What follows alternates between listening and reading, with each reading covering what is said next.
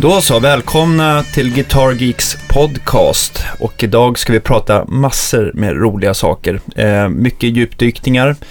Mer som vanligt har vi Andreas Rydman och jag Daniel Cordelius. Och dagens gäst är inte mindre än Göran Elmqvist på Sound of Silence.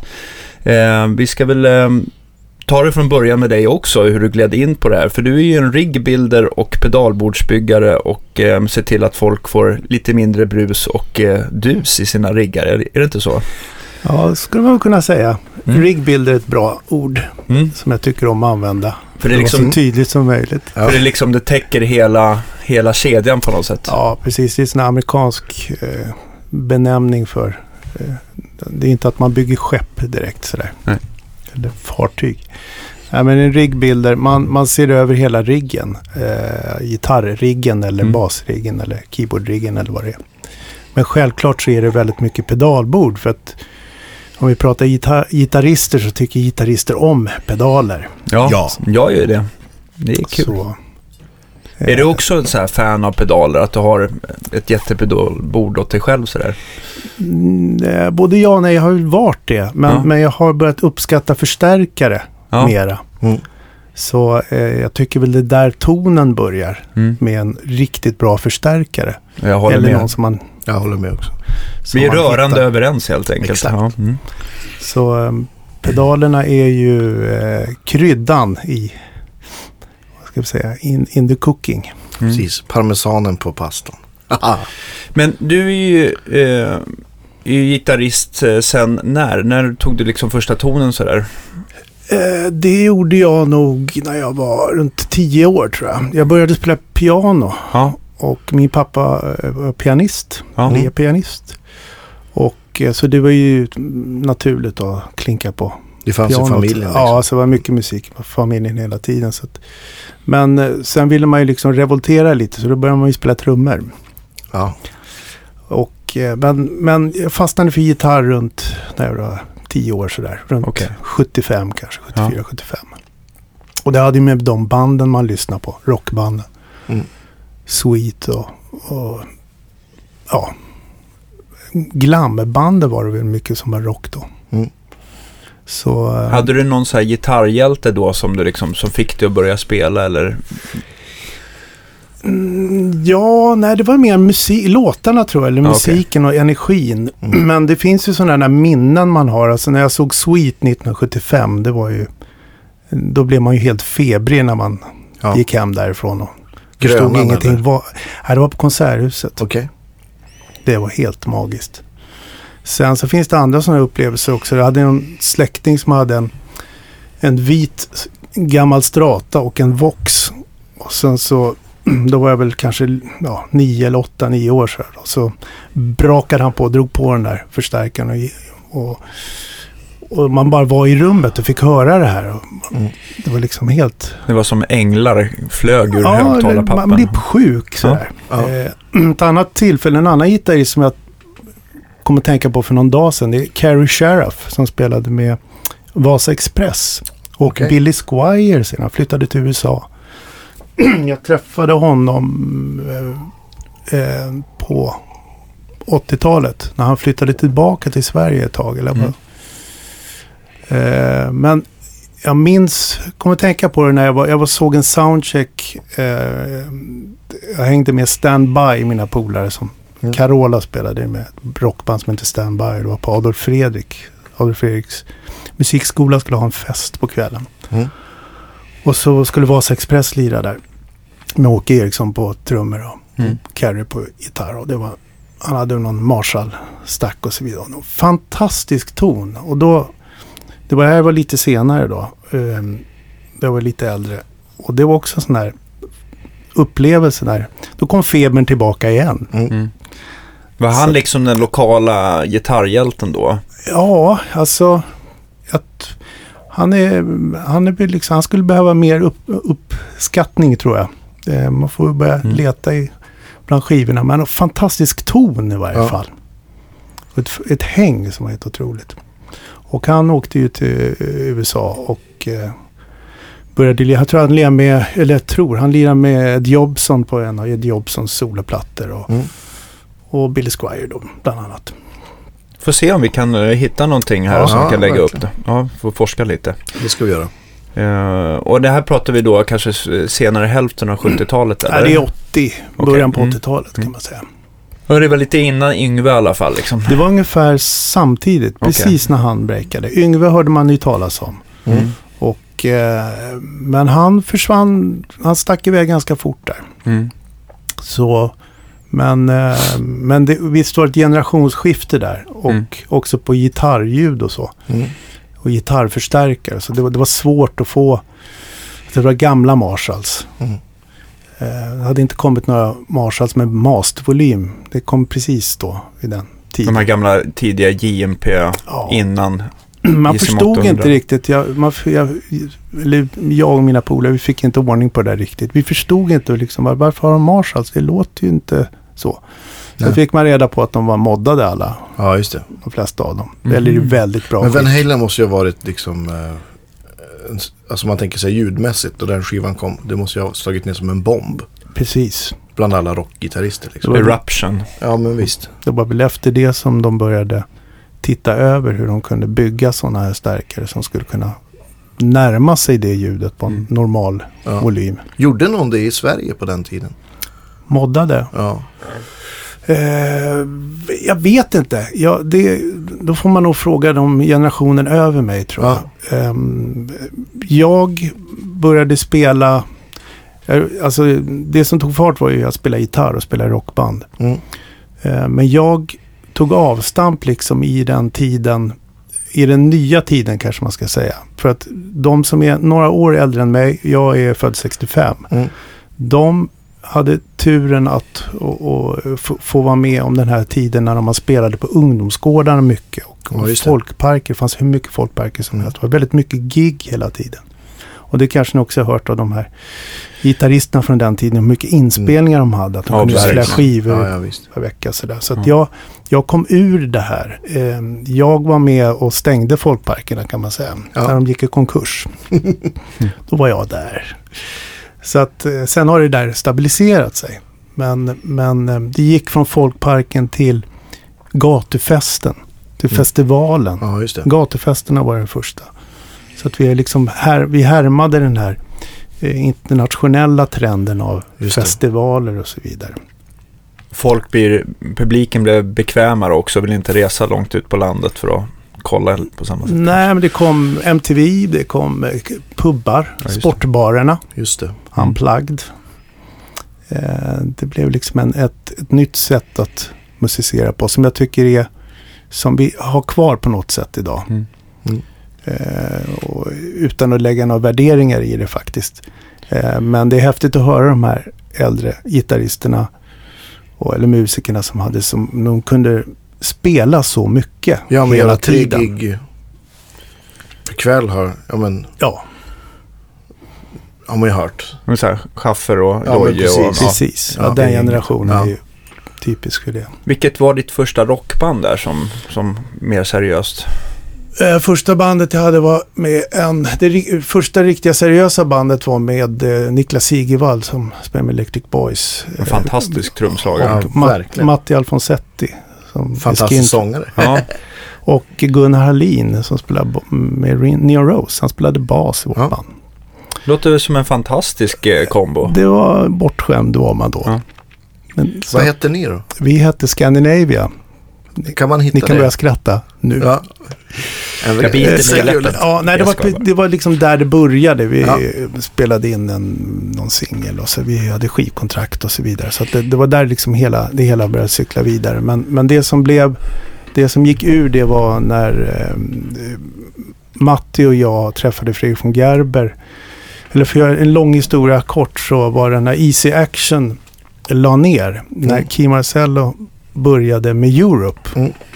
Så blev det plötsligt en, en, ett skifte bland i just det lägret. Och Mm. där fick jag en plats. Ja. Det var ett skivbolag, det var en studio, det var ett management. Det var liksom en, en, en slott som blev ledig där av, av Just att kunna skapa ett nytt band. Och då blev det ett band som heter Bam Bam Boys. Just det. Ja, ja, det kom ur Easy Action där. Va? Var det Tommy Nilsson på sång då? Eller? Nej, det, det var, nej, utan Det var inte Easy Action som var bandet, men Okej. stommen runt omkring. Tekniker, Niklas Flykt som jag Okej. träffade då, som Mm. jag jobbar med sedan i, i hundra år. Eh, det- var liksom hela det, eh, det teamet runt Mm. det hela som, som nästan flyttades över till Mm. eh, och blev Bam Bam Boys bandet.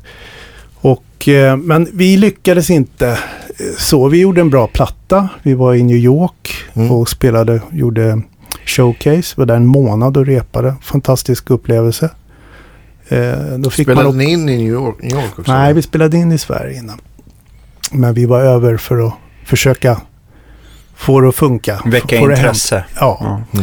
och eh, Men, var det där, här då 80? det var 87, 88. Mm.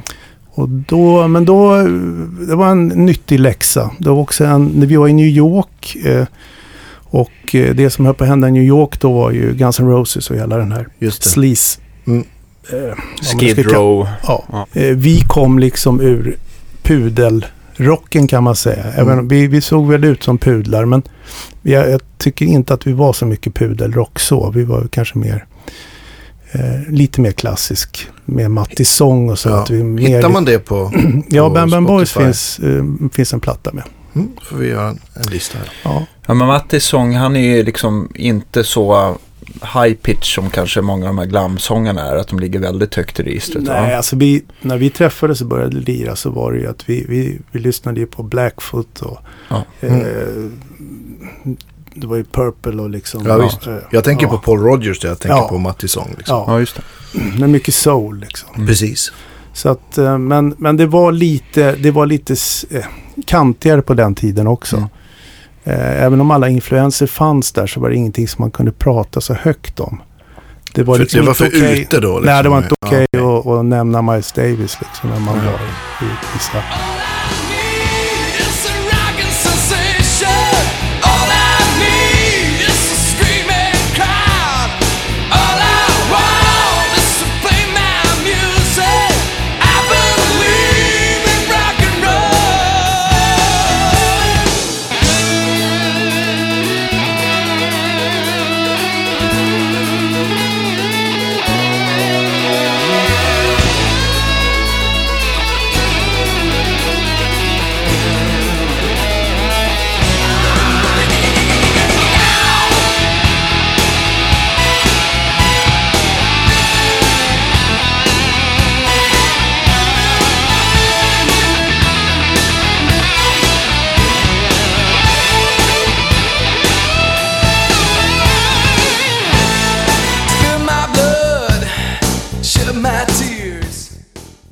Men, eh, men vi hade, i New York var en fantastisk upplevelse och vi jammade med lite amerikanska blåsare där och, och eh, ja, att bara vara där överhuvudtaget var helt fantastiskt att få vara där en månad och Ja, spela shit, och, liksom, och repa. Och, Mm.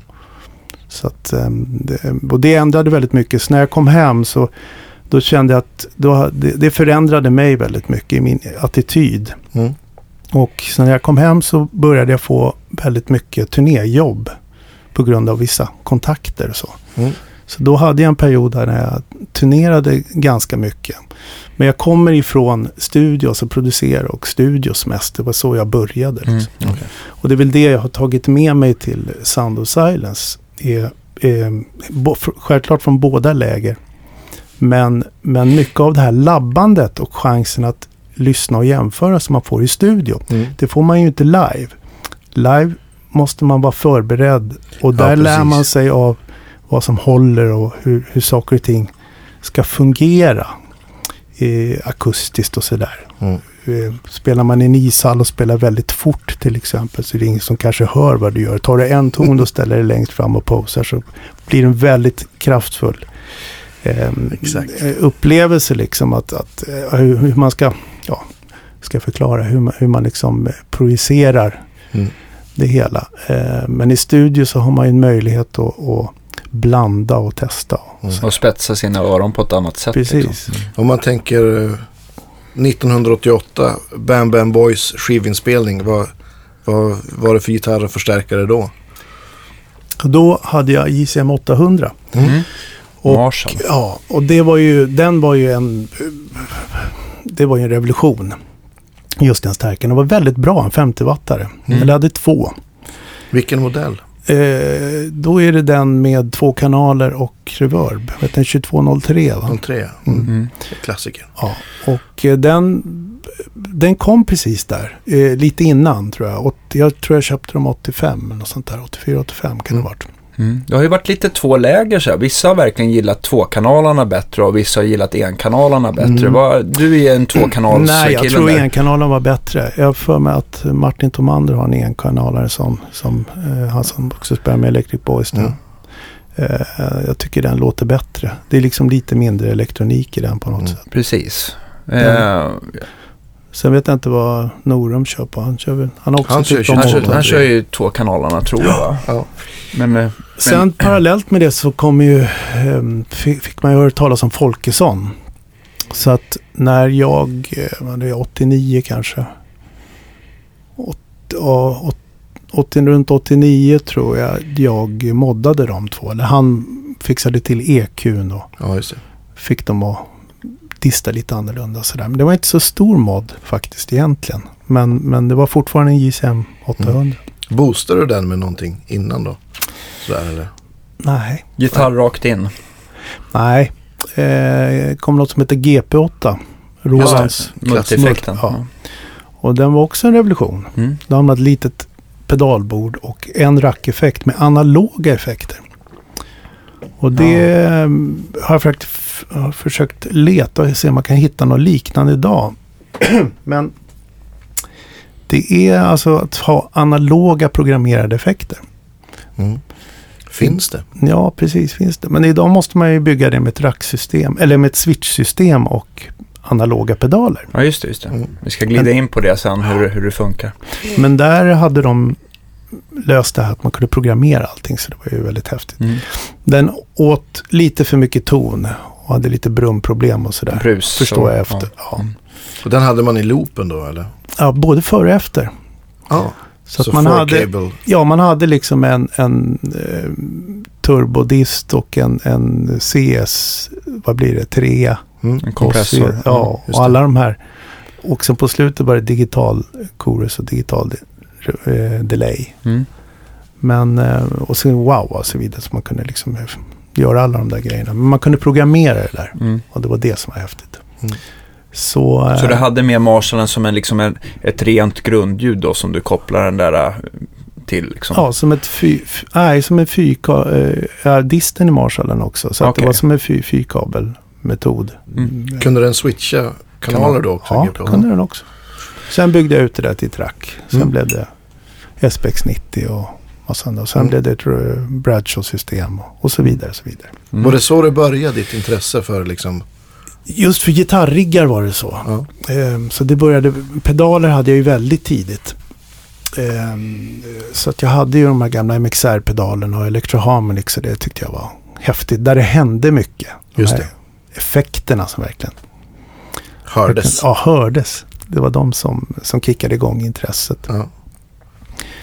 Ehm, ja, Mm, coolt. ja, mycket. Har du liksom sparat mycket gamla saker eller försöker du sälja av sånt som liksom ligger på hyllan för ja man länge? ångrar ju att man gjorde sig av med vissa grejer. Så har man köpt dem, tillbaka dem igen. Ja. Ja. Klassiker. Sen så Är det det, sådär när man får tillbaka dem, bara fan, ja just det, det var därför jag sålde det. Ja, ja det kan det vara. Det är så jag har märkt några gånger.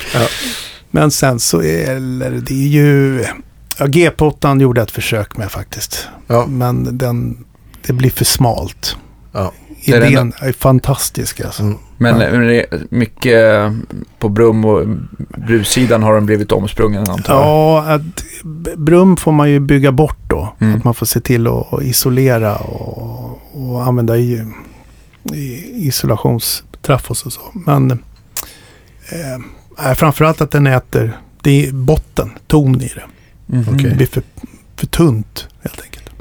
Men var det så att du liksom fick lära dig the hard way hur man, hur, vad som, jaha okej nu brummar eller brusar det, varför gör det det? ja, eller? alltså det, det var ju lite andra tider då.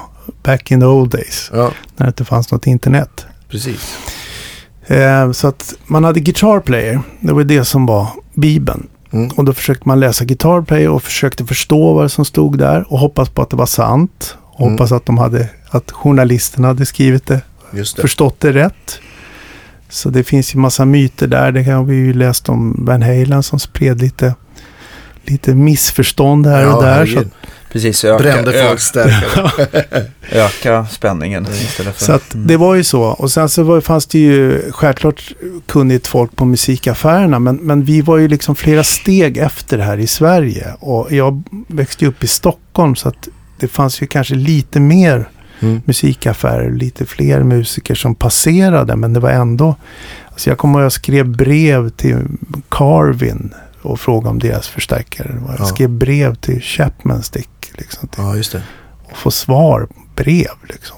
Det var, det var, det är klart att man kunde ha ringt. Men, men kommunikationen var mycket mer seg. Va? Och Det var lite man- billigare att, att skicka ett brev också, med stale mail. Jo, fast det, jag menar det, det, man kommer ju inte dit man vill. Va? Det, var, man, Mm. det var någon som berättade om ett Floyd Rose-svaj och sa, åh vad är det, hur funkar det? Och så gick man hem och försökte sätta en tving uppe på, på sadeln. Ja, på, just det. Se om man kunde låsa fast det med en tving. Ja. Det var ju... det var en Så höll man på sådär. Det blev inte så smidigt kanske. Estetiskt snyggt. Ja, Men. Så Ja, att det, Det svenska ju, låsbara svajet. ja, ja, Så att idag är det ju mycket roligare på det sättet. Men, men eh, man måste ju förstå att det som är på nätet eh, stämmer ju inte alltid. Nej, Verkligen. Någon måste ju skriva det. Lägga upp det. Jag tänkte på dåtidens musikaffärer i Stockholm som jag antar att du hängde i eh, Ja. då och då. Eh, hade du någon, någon säljare eller någon som du liksom som hjälp, var bra på att hjälpa dig extra mycket? Ja, jag tycker alla, det var, det var ju liksom, det var det som kickade igång intresset. Ja. Eh, och jag hoppas att det kan få vara så och få, få vara kvar det idag för de som är unga idag. Mm. Alltså det är där man lär sig allt. Ja, det personliga mötet är ju... Ja, alltså det, jag var ju ingenting, och, eller jag var, ja, fel formulering, men alltså jag tjänade ju inte pengar på musik när jag började gå in i musikaffären. Nej. Jag stod där och klämde på en Minimoog. Men sen en dag så kunde jag gå in och köpa två stycken eh, Music Man 130 watts förstärkare Mm. på Dike Musik i Fruängen. Just det. Och jag menar det, de bygger ju upp det utan att veta om det så har de ju byggt upp liksom relationen med Mm. mig. De som jobbade på Dike. Som, och Soundside som låg på Götgatan. Mm. Just det. Och många av de här personerna är ju kvar i branschen på olika sätt idag. Mm. Och, och det finns ju, det är liksom ett, ett arv som har gått vidare. Eh, och även estrad in på 90-talet där. Eh, de som jobbar på estrad som idag jobbar Leffe. kvar. Leff jobbar på estrad fortfarande. Mm. Men de For Sound For på Sound, Folkungagatan. Ja. Ja, blivit- det är For Sound idag. Och, och, liksom, och de har gått vidare och jobbar som med, eh, med leverantörerna. Och så där. Det är ju liksom, det är ju de som man... Det är jätteviktigt att ha Ja. den starten. Men jag kan också känna att om man, om man, om man kommer på en musikaffär och får hjälp och kunna få titta och klämma på saker är ju och prata med någon som kanske har testat det och, och, och kan det bli liksom en annan sak än att läsa på ett forum. Ja, ja visst. Några, två killar som jag skulle vilja ge credit som var med redan på den tiden och senare. Det var ju Ernie, Göran Ernlund Ja, och, och eh, Jonas Edler. På, han jobbar Mm. på Soundside. Han började väl på Okej. Second Hand Music. Men Ja. sen, sen Deluxe då, då. Folk som känner han därifrån. De har ju hoppat runt lite precis som jag själv. Men, Ja, Göran var ju också så att han berättade. Det var någon som hade varit och sett Van Halen till exempel. Mm. Det var mycket Van Halen, men det, det var ju husguden. Nej. Men, han men, är ju väldigt bra. Ja. Ja. Så, och då hade de varit och sett, någon hade sett honom lira där och så för, liksom ryktet av att han, han kör på de grejerna. Nej, han gör så, han har Ja, de mickarna och så vidare. Det, allt det där var ju det, man hängde ju liksom och sög åt sig alla de här storiesarna. Och, och försökte prova saker så mycket man, man kunde. Men, eh, men det, var, ja, det var en spännande tid just för att alla syntar kom då också. Oberheim-syntarna och Profit-syntarna och, och, och sen, sen drog det ju igång med hela midit och Mm. hela 80-talet så. DX7. DX7 också. Hur länge hade du din rigg där med GP8 och JCM 800 från Folkesson där? Fick den hänga med bra länge eller bytte du ut det Ja, där? den, jag, byggde, jag byggde vidare på den så det var mitt switch-system. Och sen så körde jag via midi så körde jag flera rackeffekter. SPX 90 Yamaha och så Mm. vidare. Och mixer hade jag sen. Lärde jag mig att för att få mer transparent i loopen på stärkaren så skulle jag ha en mixer. Att Det du mixar in effekten Jag mixade istället. in Ja, effekterna ja. och det, det gör mm, vi på många riggar idag. Mm. Där man vill använda lite sämre eh, äldre effekter. Mm. Men, men det var nog mer för att, för att det var ett switch-system. Men sen så blev det ett eh, Bradshaw RSB-18-system. Mm. Där man kunde göra mer kopplingar. Men det var att jag var intresserad av det där. Eh, det var fortfarande ett bra grundljud man var tvungen att ha. Mm. Så eh, det var ju, jag hade inte, behövde ju inte ha allt det där. Men det var, det var också en annan tid att man kunde ha mycket mer grejer med sig. Mm. Så det var två 412-lådor, två toppar. Mm. Och liksom, det var hur mycket prylar som helst. eh, När man Starkt, starkt blev du. Nej, ja, Ja. nej, det är 50 watt och 25 watts element. Så att det var ändå trumsen som är starkast ändå. Ja, men jag tänkte att du Han blev vann. stark när du Ja, lyfte stark allting. så ja. Ja. Mm, jo, precis. Sen var det väl ett Leslie med och sen var det keyboardist hade någon Ja. Hammond och sånt där. Slog det dig då? För jag vet att du, precis som, som jag och Andreas, är väldigt intresserad av gitarrhögtalare och element och liksom har, insåg du tidigt hur stor skillnad du kunde göra vilken låda du valde? Eller? Ja, det är kul att du säger det. För Mm. jag hade en Music Man 412-lådan Mm. och sen spelade jag bas genom det så jag spräckte elementen. Mhm. Och det var ju på, säkert ett par gamla jättefina element som satt i de Mm. där. Det var inte original. Och då åkte jag in till diket och så bytte vi mot något JBL-element eller vad det var. Så var Mm. plötsligt var det en massa arg diskant som kom och så. Ja, så det. var, och jag blev helt förtvivlad. Vad har hänt? Och så vidare. Så hade vi Mm. många diskussioner om det där. Men det, det var liksom inte... Där, var, där fanns inte det här att man bara kunde välja sådär. Utan det var... Eh, så att det fanns massa element. Utan du, du, de satte i det som de hade. Mm. Men det som jag bytte till var två Malmberg-lådor. Som man kan hitta fortfarande. Jag vet Just inte, Malmberg-märket. Och där satt Mm. det gamla greenbacks. 25 watt. Och det var, det var egentligen ganska rena Marshall-kopior va? Ja, Fast lite mer, nästan tyngre och Ra- mer robust. ja raka. Eh, Ja. Och sen var det mycket basigare. Det var någon resonans i dem där. Så att det, tonen växte ganska mycket. Det var väldigt häftig Mm. resonans i dem. Men framförallt elementen förstod jag ju efteråt. Ja. Men in i 90-talet så höll inte det där. Alltså då, runt 89 och framåt så blev det så fruktansvärt starkt på scen. Mm. Löjligt alltså. ja, det Och det var för trum, In-Ear. trumsätten blev så starka och så bra. Mm. Virvel och allt sånt. Det var ju Mm. mördande starkt. Löjligt. Mm. Och jag, jag reagerade på, jag tyckte att det där var, det var jobbigt efter ett tag. För att det blev liksom inte, det fanns ingen dynamik i det. Men vi, vi, man lirade på klubbar inne så här i stan och det, det, var, ju, det, var ju, det var ju starkare liksom för oss och publiken att gå på, på en arena. För att det blir ju liksom, det blir en annan, ett annat möte med, med virven. Ja, ja, visst. Ett lågt i tak och Ja, ja, ja. Man kan tänka mig också dåtidens PA-anläggningar kanske inte var de lika distorsionsfria som de är Nej, men det, det, senare. var, det var bra. det var bra. Ja, Mm. speciellt 90 och framåt. De här Electro Voice, peorna och alla de Ja, här mm. monitorerna. Det, det var De, mycket, de kunde stå, Ja, stå, i, Ja, stå pall för det kapprustningen. blev snyggt också. när, det blev, när det blev starkt så blev det en snygg, snyggt klipp. ja. Så eh, det, där finns, det finns några år där med och speciellt några ljudtekniker som gjorde att det lät väldigt bra när man var och kollade på band och sånt där. Och Mm. när man spelade själv så fick man en bra monitor. Mm. Och hoppades på att det skulle låta bra ut men det, det gjorde det många gånger. Ehm, och just för att man fick spela starkt. Idag får man inte göra det. Det är ju liksom en, en decibelgräns som ska följas, eller en lag. Ehm, och ehm, det gjorde man inte då och det pikade iväg på några ställen som säkert var skadligt och starkt. Men, men det gjorde att eh, ja, totalen lät bra kan man Mm. väl säga. Mm. Idag får de trixa till det där på andra sätt. För att spela starkt, fast Ja, inte visst. för starkt. Mm.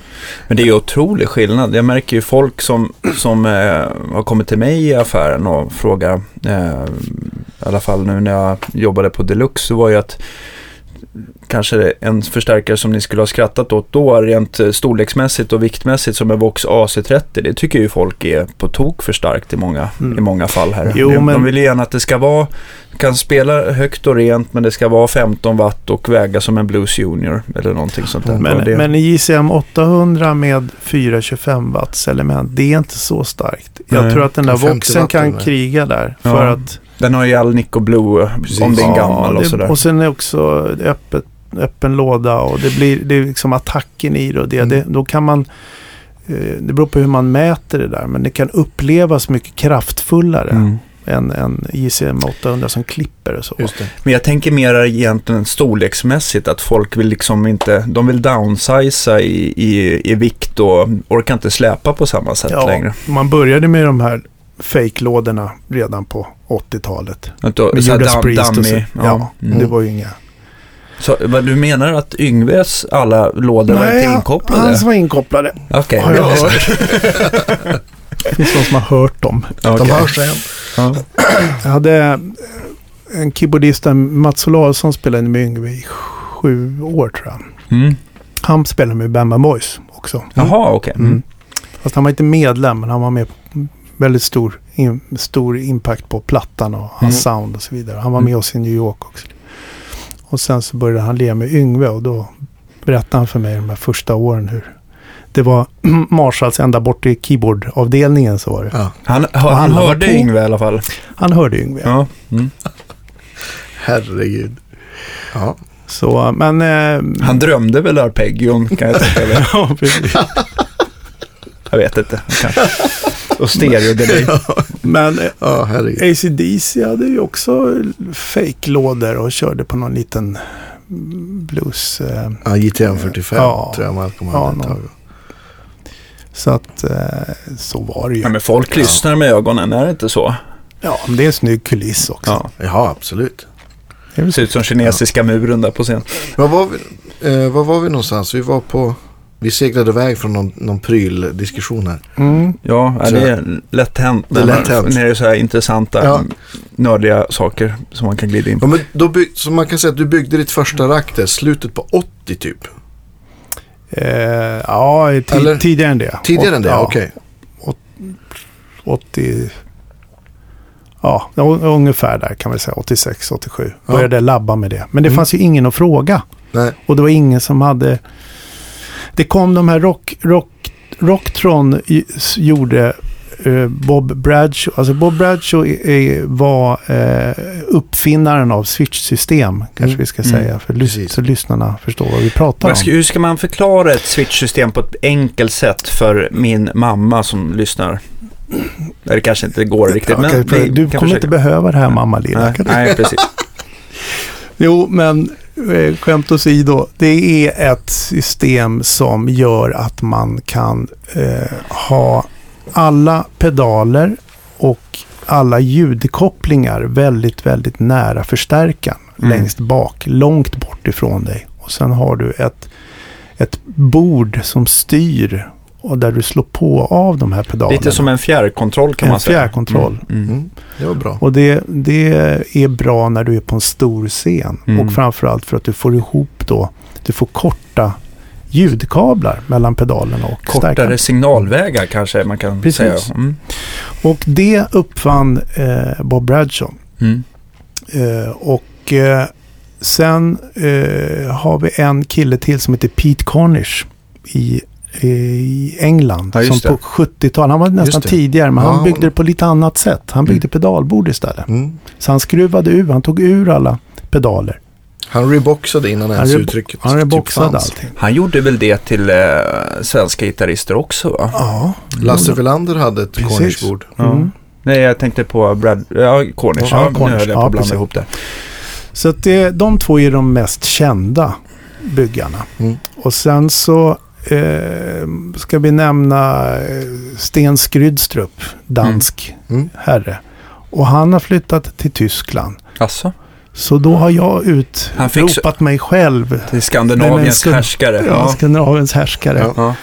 Så, The king is dead, long live the precis, king. ja, och eh, Sten har jag mycket att tacka för. För att han, han det, det första riktigt stora systemet som Sound of Silence gjorde var ett, ett Skrydstrup-system. Men vi kablerade det. Mm. Satte ihop det, men det var hans produkter. Ja, det var för Micke Nord va? Ja, precis. Mm. Så Micke var den som sparkade mig i stjärten och sa att ska du inte göra en business av det här? Folk behöver ju hjälp. Mm. Ja, men det går. Hur, hur ska jag göra då? Och sen så försökte jag hitta någon lösning på det där. Mm. Eh, men Vi- Vilket år pratar vi om det här? Är det här eh, 10-15 år sedan eller? eh, det kanske är tio år sedan som det började. Okej. Mm. Eh, Det började med att jag hade, eh, jag eh, hyrde studio av Micke. Eh, Vi satt ute på Europastudios. Mm. Är det Ulvsunda någonstans? Ja, det finns det? inte kvar längre. Men det, där ute. Eh, filmstudio och Men det låg musikstudio. där i de Mm, klockarna? Ja. Och eh, då så ville han ha ett switch-system. Så han köpte massa grejer, massa Woodlab-saker. Men det, han kom aldrig igång med att koppla ihop det där. Och jag hade ju haft det där i flera år. Och då var jag inne, då hade jag Woodlab-systemen som jag använde. GX, vad heter Eh, det? GCX. GCX, Mm. ja. Och eh, då satte jag ihop ett system åt honom där vi hade två sådana eh, Woodlabs och två Vox-stärkare och en massa rackare och pedaler. Och allting hängde i luften. Jag tror jag har någon bild på det. Det ser ut som en julgran som har vissnat. Roligt. Det var inte så turnévänligt. Ja, men det var för att testa. Allting Ja. hängde i luften och då får man inga brumproblem och så vidare. Så. Mm. Och han smällde av tyckte jag, fan vad häftigt. Oj, vilket sound jag har. Ja men det är ju dina grejer, de är fantastiska voxar och så vidare. Så. Och då, då tändes den idén. Mm. Och då slutade det med, jag skulle bygga ett system åt honom, men det vad vi pratade om var själva eh, interfacet där man kopplar in allting. Just det. Den här lådan som ska Mm. sammanföra allting. Hjärnan liksom. Ja, ja Mm. eller mera, mera kopplingen kan man säga. Mm. Mixen av det Mm. hela.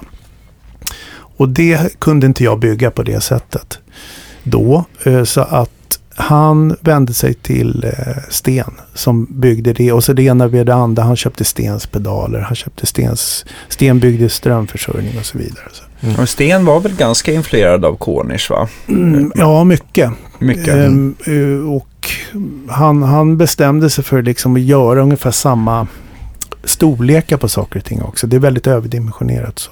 Lite nästan Fin- militär spec. Ja, men precis. Jag, jag tänker idag så vill ju nästan folk mer titta på sådana här minipedaler och få Mm. plats med mer och att det inte ska vara så skrymmande. Men finns det liksom någon tanke med att det blev så stora pedaler från, från Sten och Pete Cornish? Ja, där? Cornish, jag tror att han jobbade för eh, militären och testade saker. Mm. Eh, elektronik. Mm. Och när man bygger någonting stort, ett stort case, så har man ju isolerat det väldigt bra. För det blir ju väldigt långt till strömförsörjning Ja, bredvid det. och så vidare. Ja, precis. och, och det håller. Eh, jag kan tycka att det är lite överdrivet också. Jag vet inte riktigt vad man... Man hoppar ju liksom inte på pedalerna Nej. så. Eh, men då ska du liksom ha motorcykelboots på det eller något Mm. sånt där. Och bara stampa på grejerna. Men, men eh, det var kanske lite tuffare också då på den tiden på 70-talet när de turnerade med grejer. Mm. Jag tror inte att det fanns inte sådana casear som vi har idag. Ja, just det. Det var några sådana hattaskar på grejerna tror jag. Som man hade till trummor ni vet. Ja, just det. Ja, men hur gjorde folk liksom? Alltså, de la väl pedalerna mer eller mindre löst på och kopplade ihop det efter varje spelning? Ja, alltså precis. Och det gjorde ju, det är ju är det nog många som har gjort. Alltså det är nu på de senaste åren tycker jag som det, man kan gå och köpa ett bra pedalbord. Mm. Men det har inte funnits så mycket bra pedalbord. Det fanns inga pedalbord när jag började att köpa. Nej. Jag hade ett gammalt symbolcase som jag hade som pedalbord. Mm. Och så försökte man skruva fast pedalerna och så vidare. Ja. Så det, det har, idag finns ju så mycket på marknaden som gör att du kan fixa själv. Ja, jag byggde egen plywoodskiva och, och liksom Mm. limmade fast cardboardband som lossnade. Men det, det, det som... Precis, Det här. absolut. Det som slår en alltid liksom, när man börjar med pedalbord första gången, det var ju just det här, gud vad mycket tid jag sparar. Här håller grejerna och det sitter Ja, på plats och det är bara Ja. att koppla in strömmen och två kablar och sen Ja. rockar vi. det var väldigt bra för mig att ha de grejerna jag hade. När, när jag hade väldigt ordning på mitt rack så var det någonting som många uppskattade. Alltså crew och, och så vidare. Mm. Ehm, det är så mycket professionellare ut också. Mm. Det är lättare att ta betalt. Alltså allting blir lättare. Och jag var ehm, som musical director som man säger, det, kapellmästare hette det då. Mm. Så att det var mycket annat man skulle prata om, och med arr och, och vid repen och så vidare. Så att jag, jag kunde slänga upp mina prylar och vara klar och färdig. Det är klart att det ibland så strular det ju vissa saker och sådär. Man. Medan andra satt liksom som dynamit-Harry och den Ja, gubben går till nej, men de-. Var det inte så? Ja. Nej, men de berättade var andra stora svenska band som hade crew som Mm. fixade allt åt dem. Men de, det tog väldigt mycket tid för crewet att sätta upp tre stycken olika lösa pedalsystem. Ja, det är För de var lösa. Och, och, eh, men, men så var det liksom. Och det var ju lätt jättebra och jättebra band och, och liksom det, det inga värderingar och sådär. Nej. Men det var för crewet var det väldigt jobbigt. Mm. Så att ehm, det är lite roligt idag när man eh, när jag har fått eh, tillfälle att jobba med på musikaler och sånt. Alltså riggar inför musikaler Mm. och teater. Där är en helt annan inställning. Där crewen är mycket tuffare. De står med armarna i kors och om inte musikerna har sina grejer i, i Ja. ordning så det är inte våran uppgift. Nej. Vi har 50 stycken trådlösa mickar här som vi ska byta batteri på. Vi Ja. har att göra. Ja, Mm.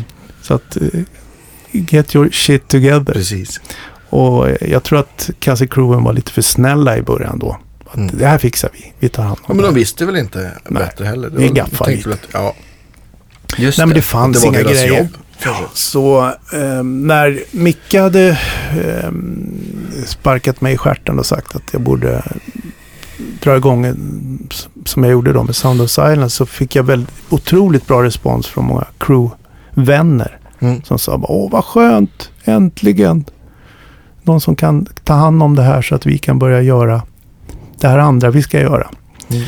Så att eh, jag tycker väl självklart, det är klart att jag ska säga det, men det, man, man vinner ju på att ha ordning på sina grejer om man ska Mm. jobba med musik Definitivt, det håller jag med om. och på scen. 100%. Alltså det, det gäller ju allt. Det Mm. gäller ju inte bara gitarrister då. Men vi gitarrister har ju väldigt mycket saker. Mm. Och det är ingen som... De ska inte behöva stå och vänta på att gitarristen ska bara. Mm. Ska bara stämma, ska bara, ska bara Mm. fixa. Utan har man det där, har man flyt på det där så borde man ju liksom vara lite mer attraktiv tycker jag. Det, jag, också, jag, för mig är det också, så känner jag att det är en, en stressfaktor som försvinner. Att man behöver liksom inte tänka på att tänk om pedalen glappar nu igen som den gjorde igår eller att det blir tyst eller att det... Jag sparkade lite på då det blev tyst igår. Då lät det. Hoppas det låter Det är idag. många som säger så. Det är just stressen Mm. av att Mm. kunna koncentrera sig på att spela musik Ja, ja, istället. visst. Det tycker jag är en, kanske den största vinsten. Faktiskt. Verkligen. För mig i alla fall. Med, Men det, jag, tror att, eh, jag tror att det finns eh, sångare och sångerskor också som kanske har förstått det där ibland när de bara ska spela gitarr på en låt. De, de sjunger, vilket är, är liksom eh, eh, precis lika viktigt och jobbigt som att spela gitarr eller trummor eller vad som. Man har inte lika mycket inte grejer med riktigt sig. lika viktigt. Nej, precis. Gitarristerna är viktigt. Men, men när de plötsligt då ska lira på någon låt, när de plötsligt har de här grejerna som de ska han, ta hand om Mm. på en eller två låtar. Oj, oj, oj, oj, hur ska jag? Och kappot där och så och, och ostämt. Och, och gitarrstativ och så vidare. Så att eh, det, går ganska fort. Den här stressfaktorn går upp så fort man men- och har en särskilt- massa grejer på scen. Ja visst, och om det blir också som jag som envisas med att spela en massa olika instrument så kan det vara. Eh, för ett par år sedan så gjorde jag en, en, alltså en, en country show på nästan två timmar. Där jag spelade fem olika instrument. Och det, på, på 90 minuters show så hade jag två låtar efter varandra. Jag spelade tele. Annars bytte jag mellan varje låt. Mm. Då har man liksom, eller det blir nästan som en koreografi. Man vet att ja, men i det här outrot då måste jag av med den här gitarren. Och så Precis. kommer, får jag en ny gitarr Ja. och så sen så, så är man liksom hela tiden på väg. Och, Får ni tid att repa inte- det?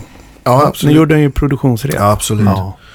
Men och, och skulle inte grejerna funka då, då blir det så mycket att tänka på. Ja, ja, visst. Men fick du hjälp av någon backline-tekniker då eller? ja, precis. Med- Men eh, det måste ju varit kaos om han var sjuk någon dag eller? Det kanske han, Nej, det han var var alltid han där. inte. Han var alltid där. Ingen som är Och sjuk. vi hade, Nej, vi hade, det finns, vi det där. finns det inte utrymme Nej. för. Nej. Ja, det hade ju gått, men då hade det ju blivit ett helt annat flöde. Det hade blivit lite paus. mer stressad Ja, det, enkelt. Ja. det kände jag att jag lärde mig mycket av turnerandet. Just Ja. det du berättar. Eh, och när man ser när det inte funkar. Ja, Eh, alltså det är ordning och reda. Det är ju en väldigt bra parameter. mm.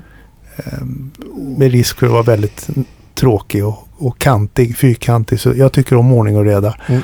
Men, men det är, det är, det är, för just då slipper du stressen.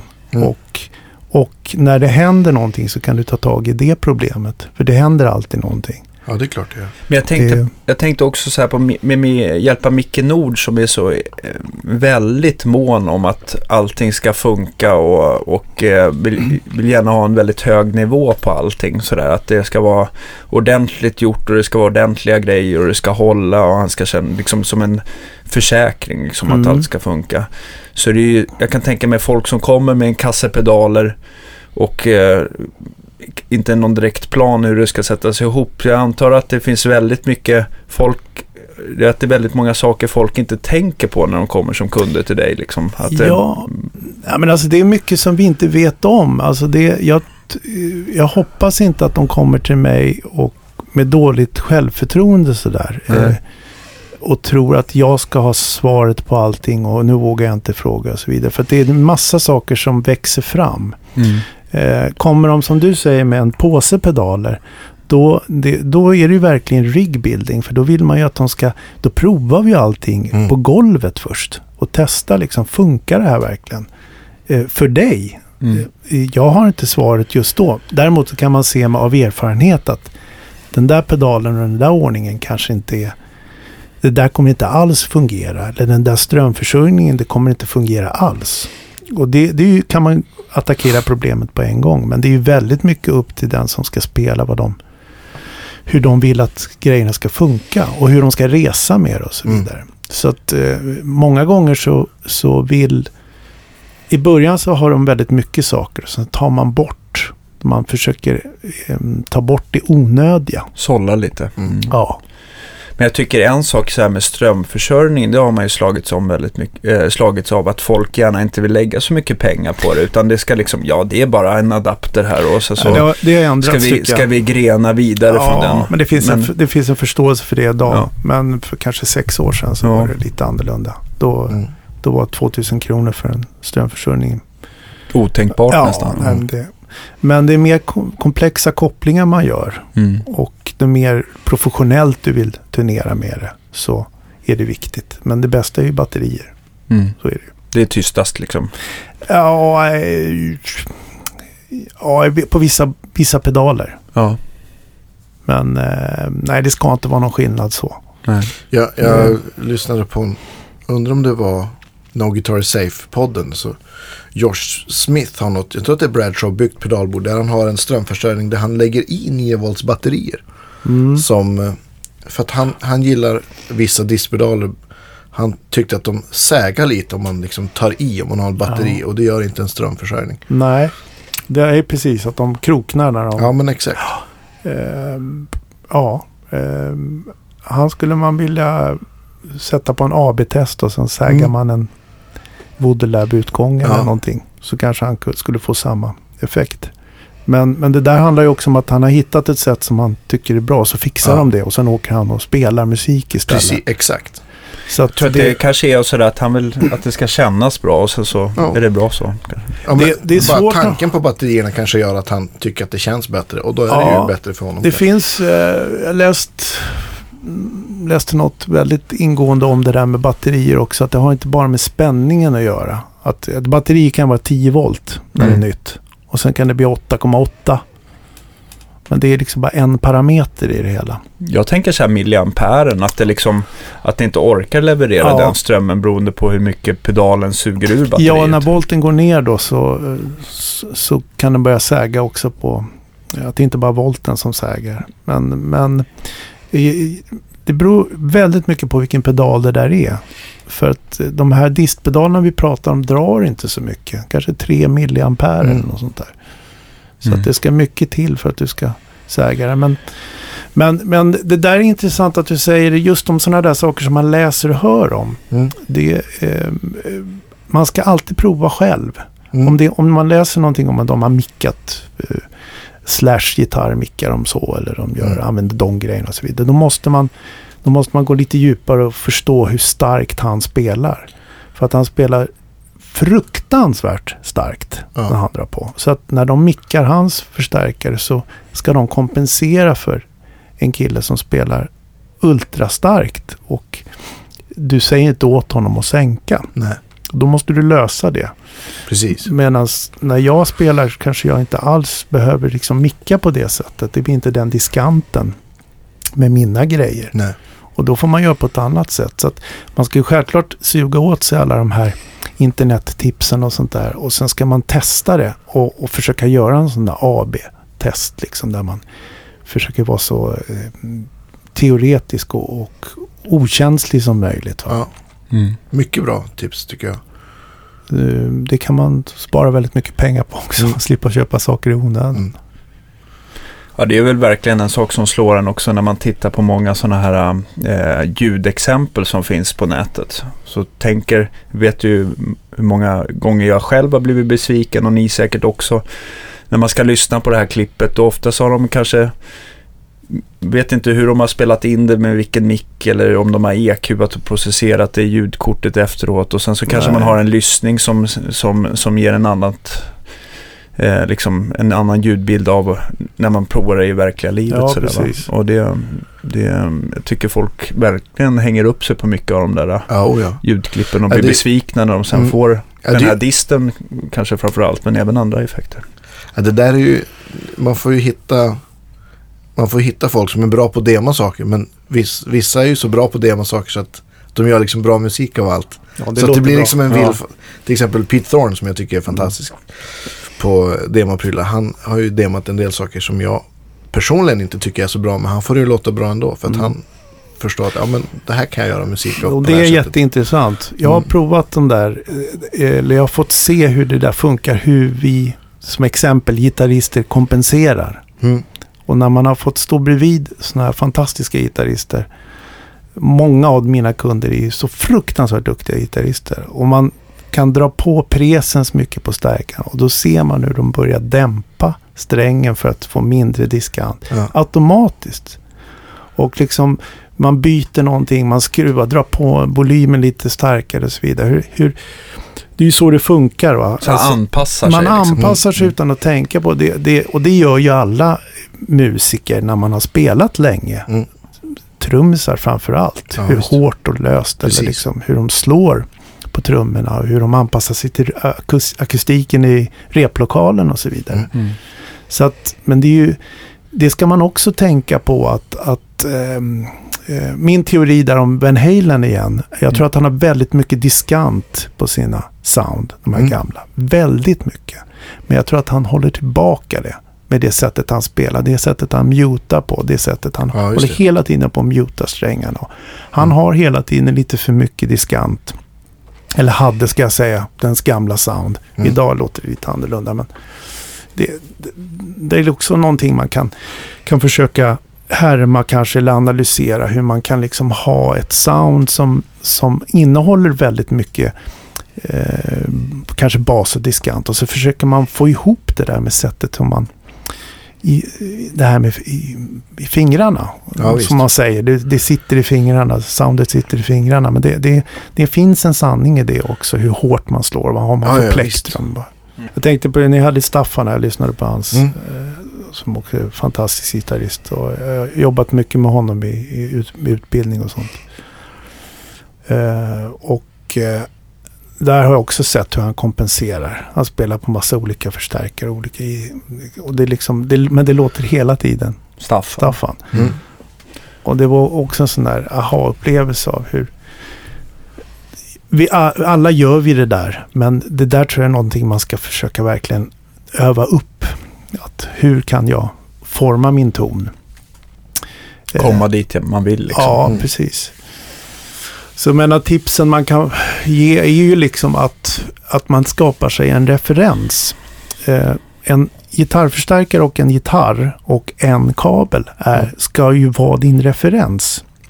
Eh, om du om vi säger att du, om vi ska vara väldigt generaliserande så är det ju liksom där det börjar på något sätt. Mm. Sen kan du ju bryta alla regler som finns. Och det hoppas man att det är så många som möjligt som gör. Så att det utvecklas det här i gitarr och, och rock'n'roll eller vad vi Mm. pratar om. Alltså det finns ju inga rätt och fel sen när man väl börjar göra musik. Men om man är ute efter ett sound och vill, och vill höra skillnaden så är det bra att börja ha en referens. Sen om du vill ha väldigt mycket effekt på den eller väldigt mycket dist så måste du ändå ha någonting du kan gå tillbaka till. Mm. Och vad jag menar då är att jag, jag ser många som, som hela tiden köper nya saker. Och då byter de ut alltihop.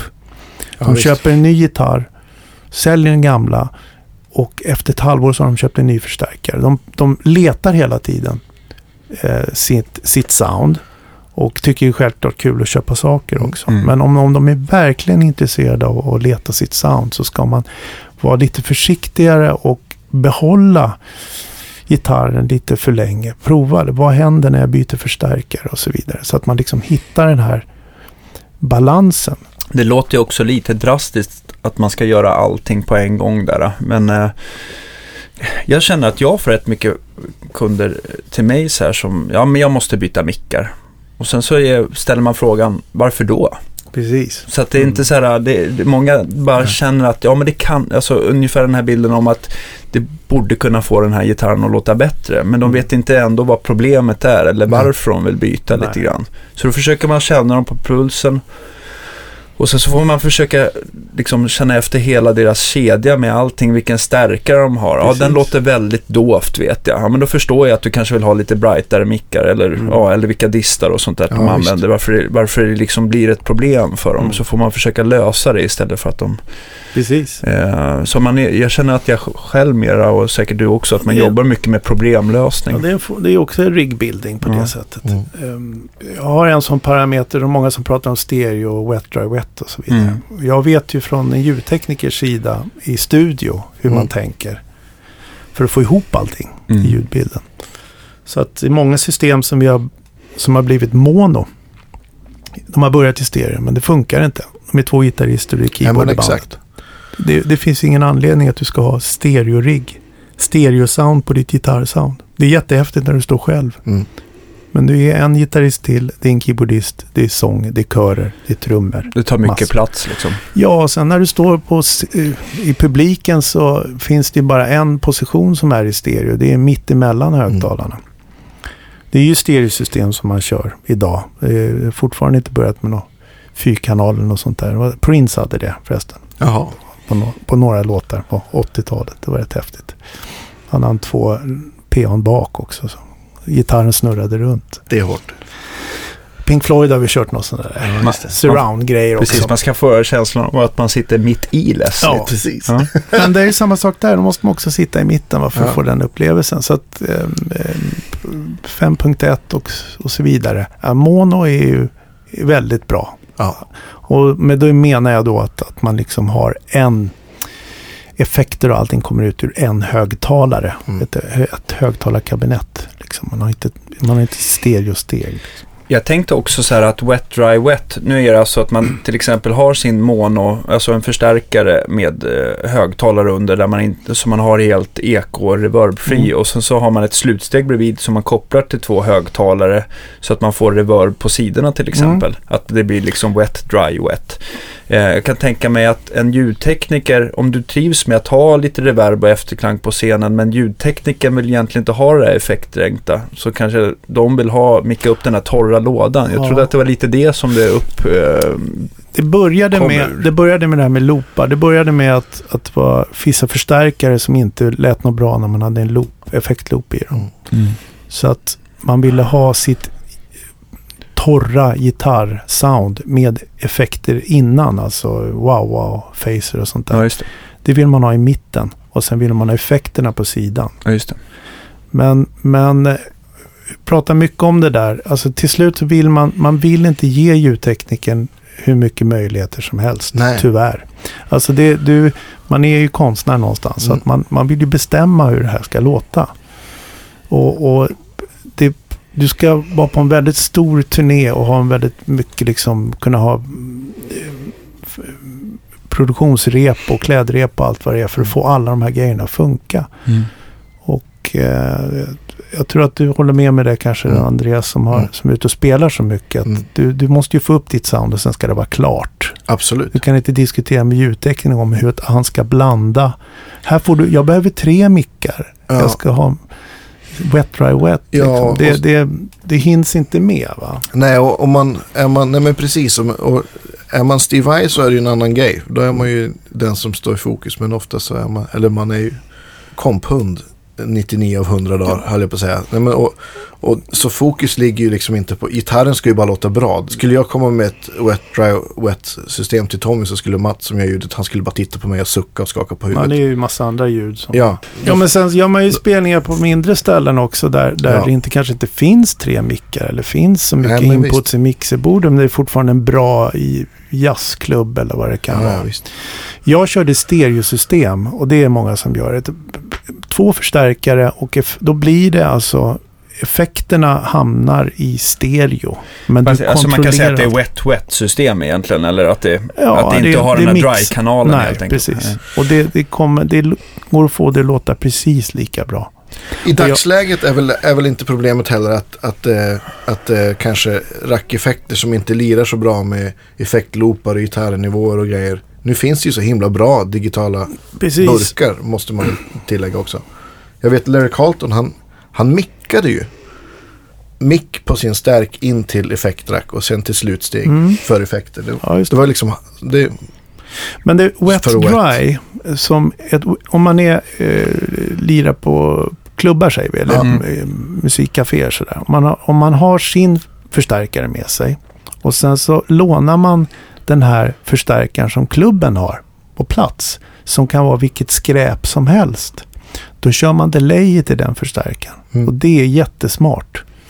Därför att då, det ska oftast bara vara 20-30% av volymen som det, det torra är. Mm. Alltså delayen är ju sällan så lika stark som, delay-signalen är sällan lika stark Mm. som originalsignalen. Och då kan du använda den här lilla förstärkaren och få lite bredd på det på det här lilla stället. Mm. Och då slipper du släppa med dig dubbelt så mycket saker. Så att det, det har jag sett många i USA som använder dem som Landau kör ju sån nu till exempel.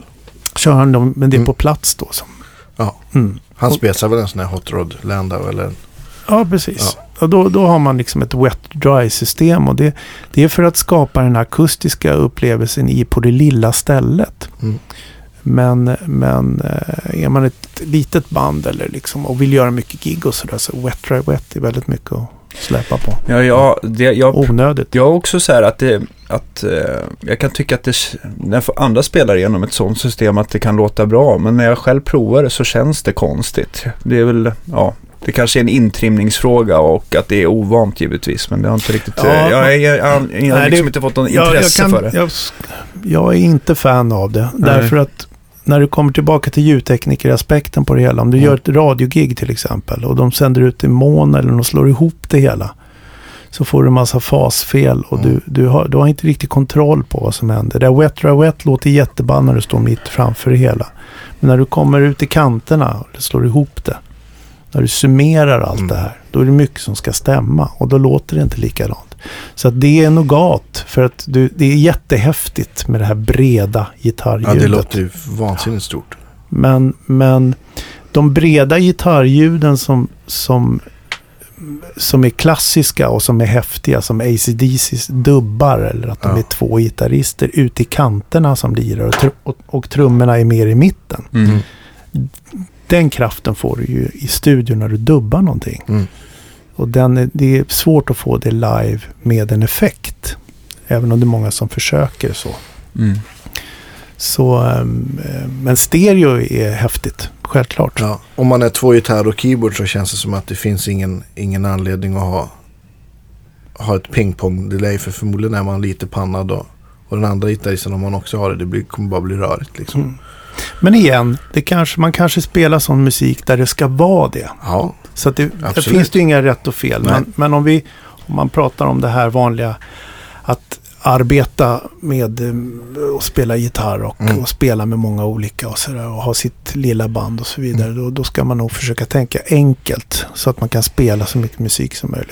Men jag tänkte också, en sak som vi måste prata om eh, när det gäller att bygga pedalbord är väl en sak som eh, helst inte ska låta alls. Nämligen buffern. Vad, vad kan vi säga om det? Hur, hur ska man förklara det på bästa sätt, vad en buffer gör? Ja, då måste, man måste nästan ta det från ett annat håll. Mm. Eh, man, eh, om vi förutsätter att vi pratar om en gitarr som har passiva mikrofoner, alltså en standard Gibson Fender eller vad det nu kan vara, Sör, PRS, Mm.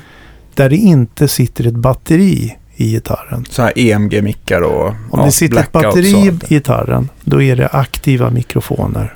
Och då är, då är det en annan diskussion. Mm. Men om du har, vilket 90% av alla har, är, tror jag, är passiva mikrofoner. Och de mikrofonerna i de här gitarrerna, de lastas ner av det som de kopplas in i. Så när du har en vanlig gitarrförstärkare så har den en impedans, ingångsimpedans. Och då kan man bli väldigt teknisk och börja prata om en megaohm och så vidare. är den hög eller låg? Den är låg. Mm. Eh, hög. Högåmigt är gitarr. Den, Gitarren är högåmig och är meningen att den ska kopplas in i en gitarrförstärkare. Eh, alltså man kan inte ta gitarren och koppla rakt in i, i din dator. Nej. I mikrofoningången i datorn. Det är fel anpassning. Det blir väldigt muddigt Ja, och det är en. Liksom. mikrofoningång. Och den har in- låg impedans. Ja, eller en line-ingång också från en, till Också en synt sådär. Ja, för det är att, också fel. Så att, så att om vi förstår att det här är en gammal teknik, de här mikrofonerna, det låter jättebra, men det är gjort med en kort kabel, inte över 6 meter, rakt in i gitarrförstärkare. Då, då får du det här soundet, alltså det naturliga. Som balansen. balansen. Det är så det är meningen. Mm. Det, och det är därför jag menar det här med att ha sin referens. Det är din referens du ska börja med. Mm. Mm. Och provar du en annan gitarr med den här samma den här kabeln, eh, instrumentkabeln som är, är bra, som du har, som du ska hålla hårt i. Mm. Då kan du höra skillnaden mellan de här två gitarrerna. Så fort vi börjar koppla pedaler på golvet, då får vi en längre kabellängd. Och ljudet, även om pedalen är av och är så kallad true bypass, att den släpper igenom signalen, Mm. så blir det massa elektronik eh, mellan, eh, eller vad ska vi säga, det blir massa kontaktpunkter emellan gitarren och förstärkaren. Som ökar Som last, kapacitansen. ja, Ja. Det lastar ner den här stackars mikrofonen så Mm. att det blir dovt och svagt. Eller dovare och svagare. Ja, lite tröttare Ja. helt enkelt. Så att om vi tar exemplet då att vi skaffar en stämapparat som är true bypass och sen har vi en, en enkel analog delay-pedal som är true bypass. Och sen då har vi eh, kanske tre eller sex meter kabel från gitarren ner till första pedalen, till stämapparaten. Mm. Sen en kort kabel emellan pedalerna och sen har vi en sex meter igen för att vi, vi står på kanske lite större scener. Så. Mm. Då har vi 12 meter kabel, eller 12 plus allt det här som händer på pedalbordet. När vi stänger av de här två pedalerna så lastas micken i gitarren ner av det här. De här kablarna. Vilket gör att tonen blir ännu dovare och Mm. svagare. Och då kompenserar vi det genom att gå fram till förstärkaren och dra på diskant och höja bruset. volymen. Och då höjer vi bruset och allting, alla störningar och allting som finns i, runt omkring oss. Mobiltelefoner, ljus och lysrör och sånt där. Då höjs det bruset och det in i förstärkaren. Mm. Och där börjar det, så blir det värre och värre och värre. Säg att du har en kompressor på pedalbordet som du slår på som höjer volymen. Eller Mm. en dist. Mm. Då höjer du också skräpet som du skickar Allt in med. här. Allt åker Mm. med.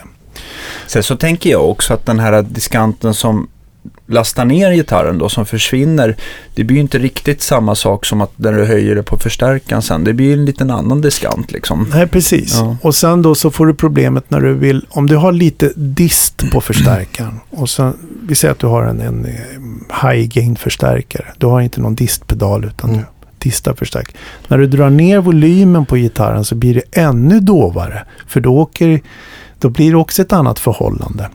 Det blir ännu, mikrofonen blir ännu svagare. Så när du drar ner och vill klina upp det där så tycker du, åh vad dovt det här blir. Jag måste nog sätta in en sån här Treble. treble bleed Mm. krets. Det kan ni förklara någon annan dag kanske. Men, Ja, det kommer vi Ja. gå igenom. Mm. Och då, som man kanske egentligen inte behöver. Mm. Till slut så är du nere på så svag signal så att du blir otroligt känslig för alla störningar. Mm. Då har man en buffer. Buffern är en liten pedal som man sätter först. Som egentligen inte ska höja volymen utan den ska bara se till att gitarren inte blir känslig för det som är kopplat efter buffern.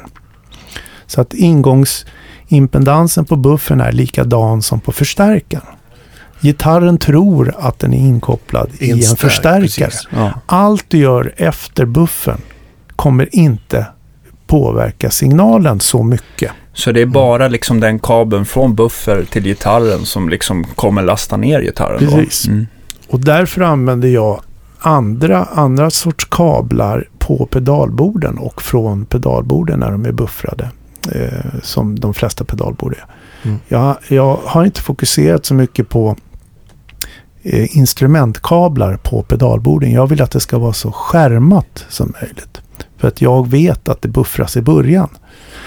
Och då kan man tänka så här, okej. Då får måste du pausa här. Ja. Visst kan man då säga att om du har buffrat i början på pedalbordet och i slutet på pedalbordet så behöver man inte ha patchkabel som kostar 400 kronor styck. Precis. För att det, det hjälper, eller det gör inget In- bättre. Du, ska in, du du, behöver inte ha en patchkabel som har en, eh, en eh, låg eh, kapacitans. Nej. Eh, men du måste fortfarande isolera allting.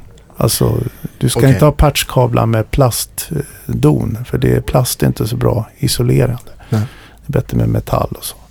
Men, och strumpan runt kabeln har jag Mm. också fokuserat mycket på. Alltså den Den här, här koppar, skärm- ja. kopparflätan liksom, Ja, som det eller- brukar vara. ja. Mm. Men hur som helst då, då, då tror många att man måste gå och köpa en buffer. Men då kan det faktiskt vara så här att på, just på ditt pedalbord så har du en stämapparat som buffrar. Mm. Om du har en korg, en gammal korgstämapparat, en sån här DT10 tror jag de heter, en silverfärgad. Ja, det. Eller Då- Boss TU3. Eller en Boss-pedal. Mm. Då buffrar den i början. Så att när du, när du stänger av stämfunktionen så är det en buffer i början som hjälper upp hela det här eh, scenariot. Men de kanske inte är så bra de buffrarna. Och därav kommer den här diskussionen om bra buffrar Mm. och prova olika buffermärken. Eh, och man kan tycka att vissa blir, blir det för ljust och vissa blir det för mörkt och så vidare.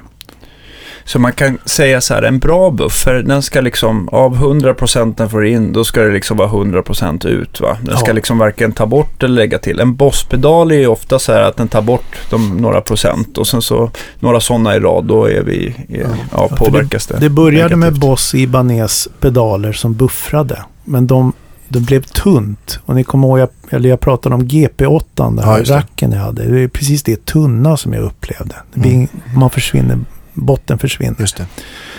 Så då när, när det kom eh, väldigt mycket nya pedaler så började man prata om true bypass. Och det blev ett försäljningsargument att när du stänger av våran pedal då passerar, vi färgar inte signalen när du stänger av min RC-booster till Exakt. exempel. Och det är ju helt rätt. Det är Mm. ju så det ska vara. Och, men problemen blir när du har många pedaler. Så det är inte pedaltillverkarnas fel eh, att de kallar det för true bypass. Det, Mm. det, det är inte negativt så, men det blir ett problem när du har tio pedaler på pedalbordet som är true bypass. Och alla är avstängda Och dessutom. alla är av. Eller du till och med har en sån här, känn en sån här strip, eh, loop strip, Ja, visst. Mm. där du lägger, som, är, som också är som en true bypass strip. Och då blir det en väldigt stora problem eh, med störningar när du är ute och spelar. Det kan funka hemma och så vidare. Men sen efter ett tag så märker du att eh, det här går liksom inte. Det var min, min första kontakt med en bra buffer. Var jag hade precis ett sånt pedalbord. Allt var true bypass. Vet inte, jag hade en Corey Pitch Black stämapparat. Undrar om den också var. Nej, den är, ja, Nej. den är true bypass. Den ja, om true bypass, ja. Mm. Ja, Och så hade jag, sist så hade jag en, eh, en Baby Pink, en, en Björn Juhl-pedal med buffer. Mm. Men den där gick sönder på en turné. Och till saken är också att jag hade en annan pedal, en, en, ja, en eh, C-Blue EQ som stod på hela tiden. För att jag tyckte, och det hade, jag förstod inte det då att jag hade ju på den där för att driva upp signalen. För jag hade väl en 10-15 True Bypass-pedaler. Du hade den alltid på. Den var alltid på och, jag, och det var också så. Och jag hade också en förstärkare som stod gömd i en låda under scenen. Och, och då, då den här uh, Baby Pinky gick sönder så vi sket i den. Mm. Och då lät det så dovt så det, det var Ja, helt det det absurt. Men då var det var danskt crew på den här turnén. Och han tog fram en sån dual Skydsurf BF2M Mm. dual buffer och sa du jag har, den här kommer att rädda allt. Mm. Och så ja men, men, men jag, är det en true bypass? Han bara, nej men alltså trust me, du kommer, Mm. du kommer gilla det här. Och, och så kopplade han in den. Och, Och så, är, var, gick inte, så gick solen ur moln kan man och så säga. gick solen ur moln och så kunde jag slå av den här den här CBU EQ-pedalen som jag hade haft på som någon typ av förmodligen kompensation för att driva all kabel jag Ja, hade precis. genom alla True Bypass-pedaler. Så då kopplade han, eh, du får förklara mer vad en dual, dual buffer gör kanske. Men Just den kan är som två pedaler i en. Ah, okej. Den är i med i början och i slutet. Mm. Den är en buffer i början och en line driver på slutet för att driva den här eh, kabeln som ska gå ner till under scen där, Mm. där du har din förstärkare. Så att det är egentligen två buffrar i en. Det behöver man egentligen inte ha, men det, just hans buffer är jättebra. Mm. Men, men precis det du säger där är också en sån sak som många sa att de använde en liten boostpedal i början. Som de, jag, har, jag slår bara på den här. Men jag Mm. vrider inte upp den någonting. Den bara är här. Då blir ju det som en buffer. Det var en buffer, Ja. precis. Och så att frågan är då, behöver jag en buffer eller inte? Ja, det beror på vad du har för pedalbord. Du kanske har en pedal som är buffrande. Du kanske alltid har på en pedal först. Ja, som alltså, alltid står på och Ja. då är det en buffer. ja. Men det, det som händer också mer är att när du har ett pedalbord med bara true bypass-pedaler och du slår på den här facern till exempel, då buffras signalen. Då slår effekten igång och blir lågåmig ut. Mm. Vilket gör att volymen åker upp. Det blir så stor skillnad på när du slår av och på effekterna. Just det. Så det var faktiskt Pete Conner som började med det redan på 70-talet så byggde han system där allting var buffrat. Varenda punkt. För att det skulle vara konstant hela tiden och få ner alla störningar och så vidare. Så att han, han fattade det där redan 72, Och då, då 73. behålls impedansen oavsett hur många pedaler du slår av eller på. Ja, gitarren tror hela tiden att den är inkopplad rakt Ja. i en förstärkare. Så att när vi har sagt det, nästa grej då är att vad händer för någonting? Jo, plötsligt så kanske du får höra hur din rigg låter lite, det kommer låta annorlunda för den blir ljusare. Du har ju, du ser att du har haft ett fel, eh, du har kopplat det här fel, du har haft en last hela tiden. Mm. Du har haft bara true bypass. Plötsligt så tycker du vad, vad diskantigt det här blev. Det, det var inte, det blev ju liksom inte bättre. Och det, det kan också bli en liten sån där eh, liten förändring man måste göra då kanske med sina grejer. Ja, men för de har ju kompenserat lite här och var på vägen. Ja, Mm. precis. Och då eh, från det, när det hände, när det kom väldigt mycket buffrar för kanske tio år sedan, så, så var det många som sa att jag vill inte, nej jag ska inte ha någon buffer för det, det blir för vasst, det förstör ljudet, det ska vara true bypass och så vidare. Men det var ju också för att man, man plötsligt var någonting som man hade vant sig vid förändrades. Mm. Men man har igen att liksom tänka buffertänket i sitt pedalbord därför att Verkligen. när du byter gitarr eller byter gitarrmickar så kommer du höra skillnaden. Ja, ja. Ett exempel jag gjort för basister, som, det några basister som spelar på teatrar. De har ofta tre ba- basar och en, en pedal som de switchar mellan de här basarna. Mm. Eller två eller tre basar.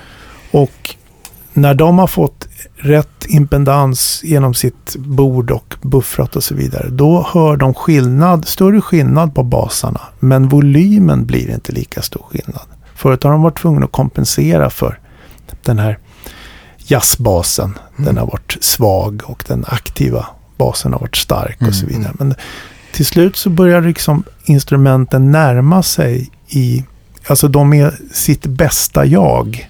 Mm. Och sen börjar vi se skillnaderna. Mm. Och också ett jätte, någonting jag vill trycka på. Att, att liksom när du provar gitarr, när du ska byta gitarr eller byta gitarrmickar. Så var väldigt noga med hur du testar det här. Och hur du jämför det. Och, och igen, gå, prova det här med bara kabeln rakt in i förstärkaren. Så det, jag tycker det är lite missuppfattning det här med att de här vissa pedaler fungerar för, för den här förstärkaren eller så vidare. Det kan det göra när man distar och så vidare. Mm. Men jag tycker att vi ska kräva att alla pedaler ska låta bra.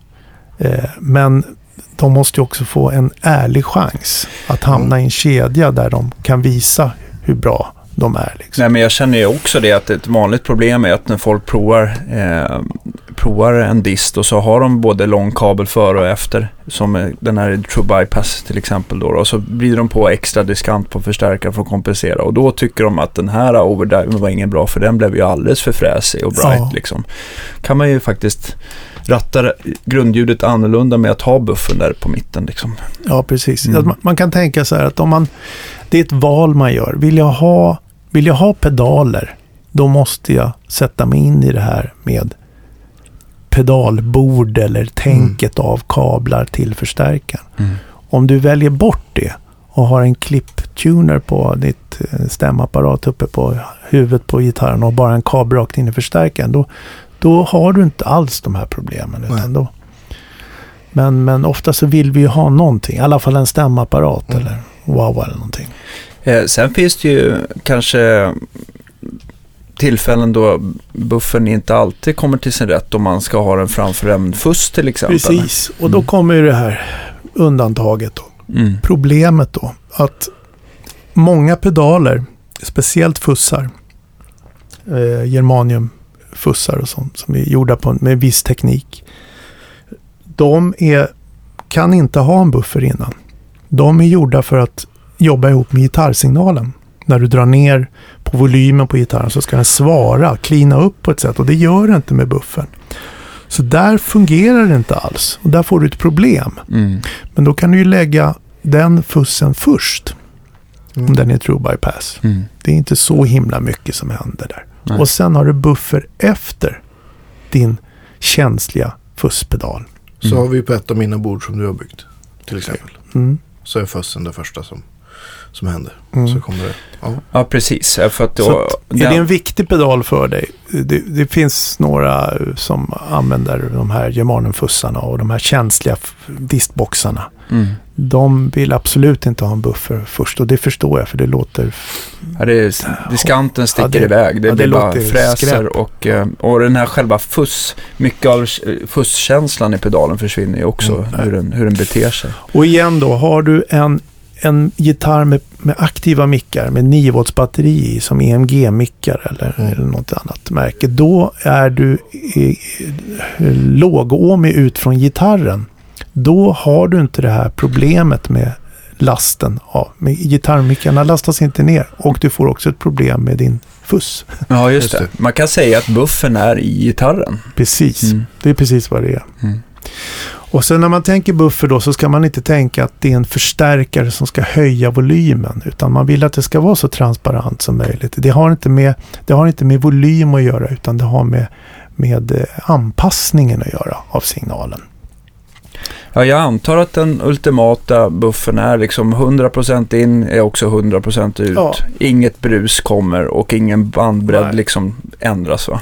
Kan man säga också att om man har en buffer som gitarren är inkopplad i så, så ändras inte vad mickarna ser för impedans Precis. oavsett hur många pedaler man slår Precis, på. Och det gör att det låter mer som, som en Telestrat eller Gibson om vi ska återkomma till det här. hela tiden. Ja. Att, att, att det man kanske strävar efter är att, att få liksom ett mer ett mindre process, eller att det låter mindre processat och mer naturligt. Mm. Ja men kabel in i stärken. Och det skillnaden är jättestor mellan eh, humbucker och single. Mm. Så att en single coil, en traditionell gammaldags Fender lastas ner mycket mer. Och en tel, till exempel en tele, samma sak. Så att då håller du på och byter mellan en Fender och en Gibson rent generellt då, i original. Mm. Så är skillnaden så himla stor i last och självklart i sound och nivå. Men om du har en buffer innan då kommer skillnaderna bli eh, mer användbara alltså, när du spelar musik. Alltså du kommer få en viss skillnad på det men, men, men eh, det blir inte dag och natt. Du behöver inte gå fram och vrida om på förstärkaren. Nej. Utan säg att du har en bra förstärkare så kommer det liksom fortfarande bli en bra ljud fast det låter annorlunda. Precis. En annan EQ liksom. Ja, men mycket av gitarrens karaktär sitter ju i diskanten där liksom, så att, eh, eller i mickarnas karaktär. Och jag tycker också så här, jag har ju en, en gammal archtop som en eh, Silvertone archtop. Där sitter det 100 megs puttar i och där är det så extremt känsligt vilken kabel jag använder. Ja, visst. Ja. Eh, det, är liksom, det, kan, det är verkligen så här natt och dag. Medan på min stratta med vanliga passiva mickar det gör, det, gör det mindre skillnad med kabeln där. Mm. Men det är kanske just i, i det här Det- fallet med den stärken också. extremt. Ja. Det är extremt Mm. just på den gitarren. Ja. Men det är 250 kilos puttar på Stratan Ja. och 500 på Gibson.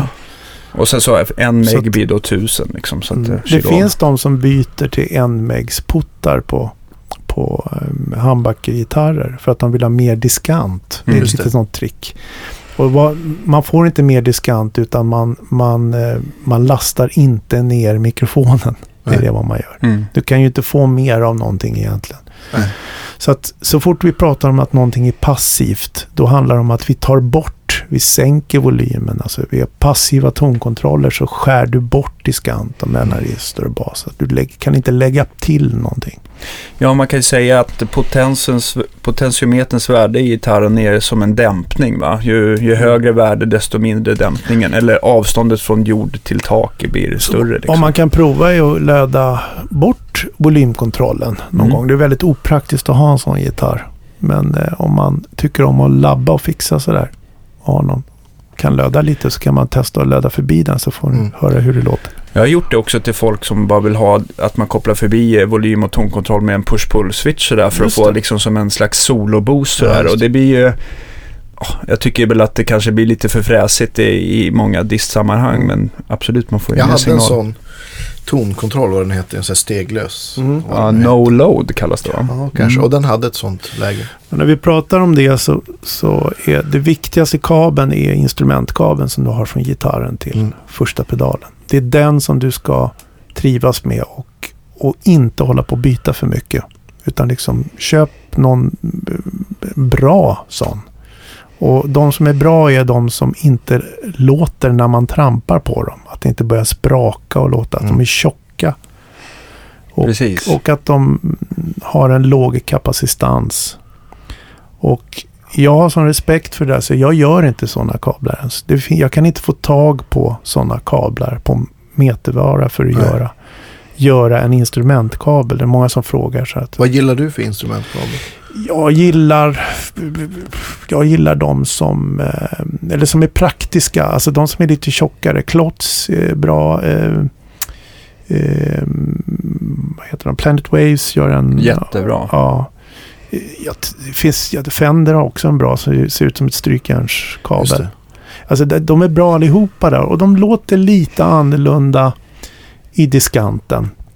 Ehm, och när, det hör man mest när det är 6 eller 9 meters kabel. Mm. Mm. Och, det, och då, då, då måste man liksom känna sin rigg och, och då kan man höra skillnaden sådär. Men det, kan vara, det, det är en skillnad det är det. Men det är liksom som att gå fram och vrida på lite mer presens kanske på Mm. förstärkaren eller vrida av. Så att jag tycker att alla de där är bra. Alltså kostar de lite så. Men, men jag ser ingen anledning att köpa något för 2000 spänn eller något sånt där som är så här ultradyra kablar liksom som, som sä- sägs ska vara det ena och det andra. Det är, visst, gör det. Men då ska du bara ha den först. Men det är helt onödigt att ha den sist från pedalbordet Ja. till förstärkaren när du har buffrat pedalbordet. Det är ju Mm. att kasta pengarna i sjön. Det är andra kvaliteter du behöver där. Där ska den kunna köras över med Så satsa på en, ångvält. en, bil, en, en bra instrumentkabel och så har man buffrat ut kan det vara Viktigaste kabeln. det viktigaste kabeln. Och den jag, tror jag inte att du kan löda själv. Nej. Jag tror inte att du hittar... Det är nämligen så att de här bulkkablarna som är på eh, rullar. Det, det görs inte bra sån instrumentkabel på rulle. Det Nej. finns instrumentkablar som är bra. Men de är inte så bra som de är när man köper dem. De här färdiggjorda kablarna. Mm. Jag misstänker att du inte är någon fan av sådana här äh, gör det själv-kit Nej, för pedalbordskablar. Nej, jag är Lödfria. alldeles för mycket problem jag har stött Ja, på. nej, det, det, det finns problem där mekaniskt. Men jag för, det är förstår att det finns och det funkar ju om, om du liksom inte rör, om du inte rör på dem. Mm. De ligger still. Ja, men de Så. gängar ju upp sig lite med tiden och det är en liten tickande bomb tycker jag. Ja, det är det. Sen så eh, kan man inte göra lite, lite speciallödningar som jag tycker om att göra. Jag Mm. använder något som heter semibalanserat. Att jag, jag, eh, jag fokuserar väldigt mycket på det här med störningar och hålla ner störningar. Ja. Eh, Det, det, det är det som är viktigare än... Det är viktigare med skärmen än ledaren. Alltså den här kabeln som ligger i mitten som alla pratar om hela tiden. Att den ska vara så, ha så låg kapacitans. Och så. ja, just det. Jag tycker att det är viktigt att du har en väldigt kraftig jordpunkt. Och eh, har du mycket grejer så är det helt avgörande för att det ska funka. Och få det tyst. Och semibalanserat, det är ju att man leder väl egentligen också skärmen åt, åt förstärkarhållet hela tiden. Ja. Att det pekar åt samma håll. Det va? går, ja, det går inte att höra någon skillnad på ljudet. Utan det är skillnaden är det du inte hör. Alltså, Brummet, Ja, störningar. men, men du kan sätta mig på en AB-test. Jag skulle inte höra någon skillnad på kanske fem sådana kablar. Men när det är ett helt rack och så vidare, det blir väldigt mycket, Mm. då är det skillnad. Jag hade en lifeline-kabel som jag köpte för det skulle man ha Mm. när jag var tonåring. Och den hade pilar och svart och vit i en ände. Var den så? Eller? Ja, Ja, det men där är det åt ett annat håll. För där gitarren hänger i luften.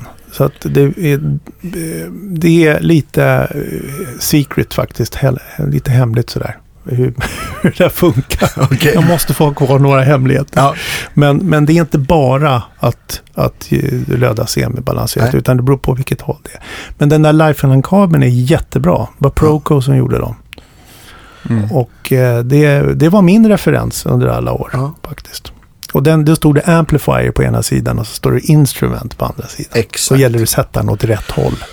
Den, ja, jag, kom, jag hade den där kabeln så länge innan jag glömde den någonstans att det där nöttes bort. Men den höll väldigt länge. Ja. Tänk om du spelade åt fel håll. ja.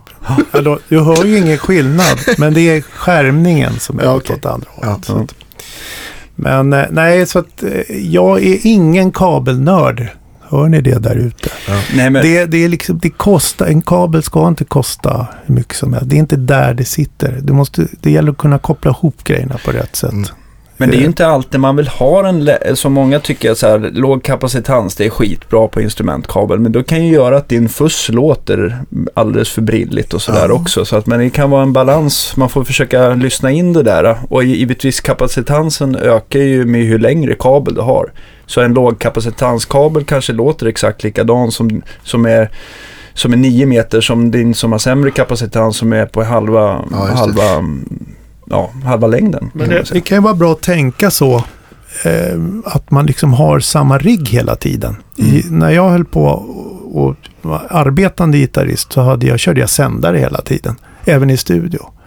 Jag hade ett sätt som, som jag hade fått till det där så jag tyckte Just det var det. bra.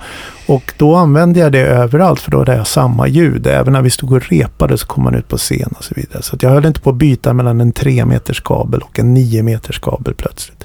Utan då hade var det där kittet klart. Mm. Och det kan ju också vara att, som du säger där, eh, hitta en kabel, 6 meters, då kan du ju använda den på, på alla klubbspelningar Ja. och allt sånt där. Oftast klarar du på 3 meter också, men ibland kan det vara lite svårt när man Det står på om man ska stage-diva man ska eller gå och inte. hämta Ja. kaffet så Ja, river exakt. man ner det. Men, jag har men- för mig att du sa någon gång att du hade, du hade en kabel ihoplindad från gitarren, mellan gitarren och sändaren. Stämmer det? Ringaren av Notre Dame. Ja, Jo, jag hade det. Litet lasso sådär på. Ja, det är en, då pratar vi sändare Ja. och buffer. Ja, då, är- då kan man gå över till, till det hela att en sändare är en buffer. När man har en sändare till sin gitarrrigg, då har man plötsligt satt en buffer i den här sändarpacket. Mm. Vare sig man vill eller inte. Just det. Och när jag hade sändare så var det analoga system.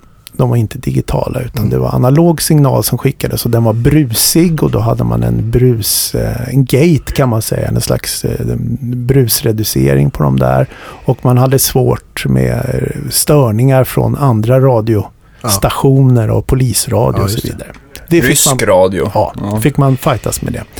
Men, men grejen med det där är att eh, där, det är ett stort problem för att du börjar buffra precis vid gitarren.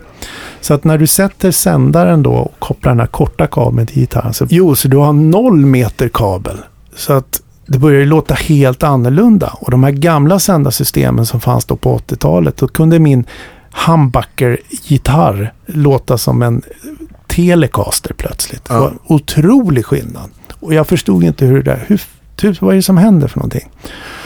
Och så jag testade att lägga en 6 meters kabel mellan sändaren uppe på eh, strappet och in i gitarren. Och då plötsligt så lät det rätt igen. Lätt i gitarr igen. Då lät det Ja. gitarr igen. Mm. Så på ett prodrep så virade jag ihop den där 6 meters kabeln och satte upp den på, på ryggen. Mm. Och tejpade runt den där. Och sen så gjorde vi något sånt där klädrep och sen så kommer publiken in. När det är liksom smygpremiär Ja. sådär. Och de skrattar och höll på att skratta ihjäl sig. Vad är det där för snubbe? Som har Quasimodo som Lasso på det här går inte liksom.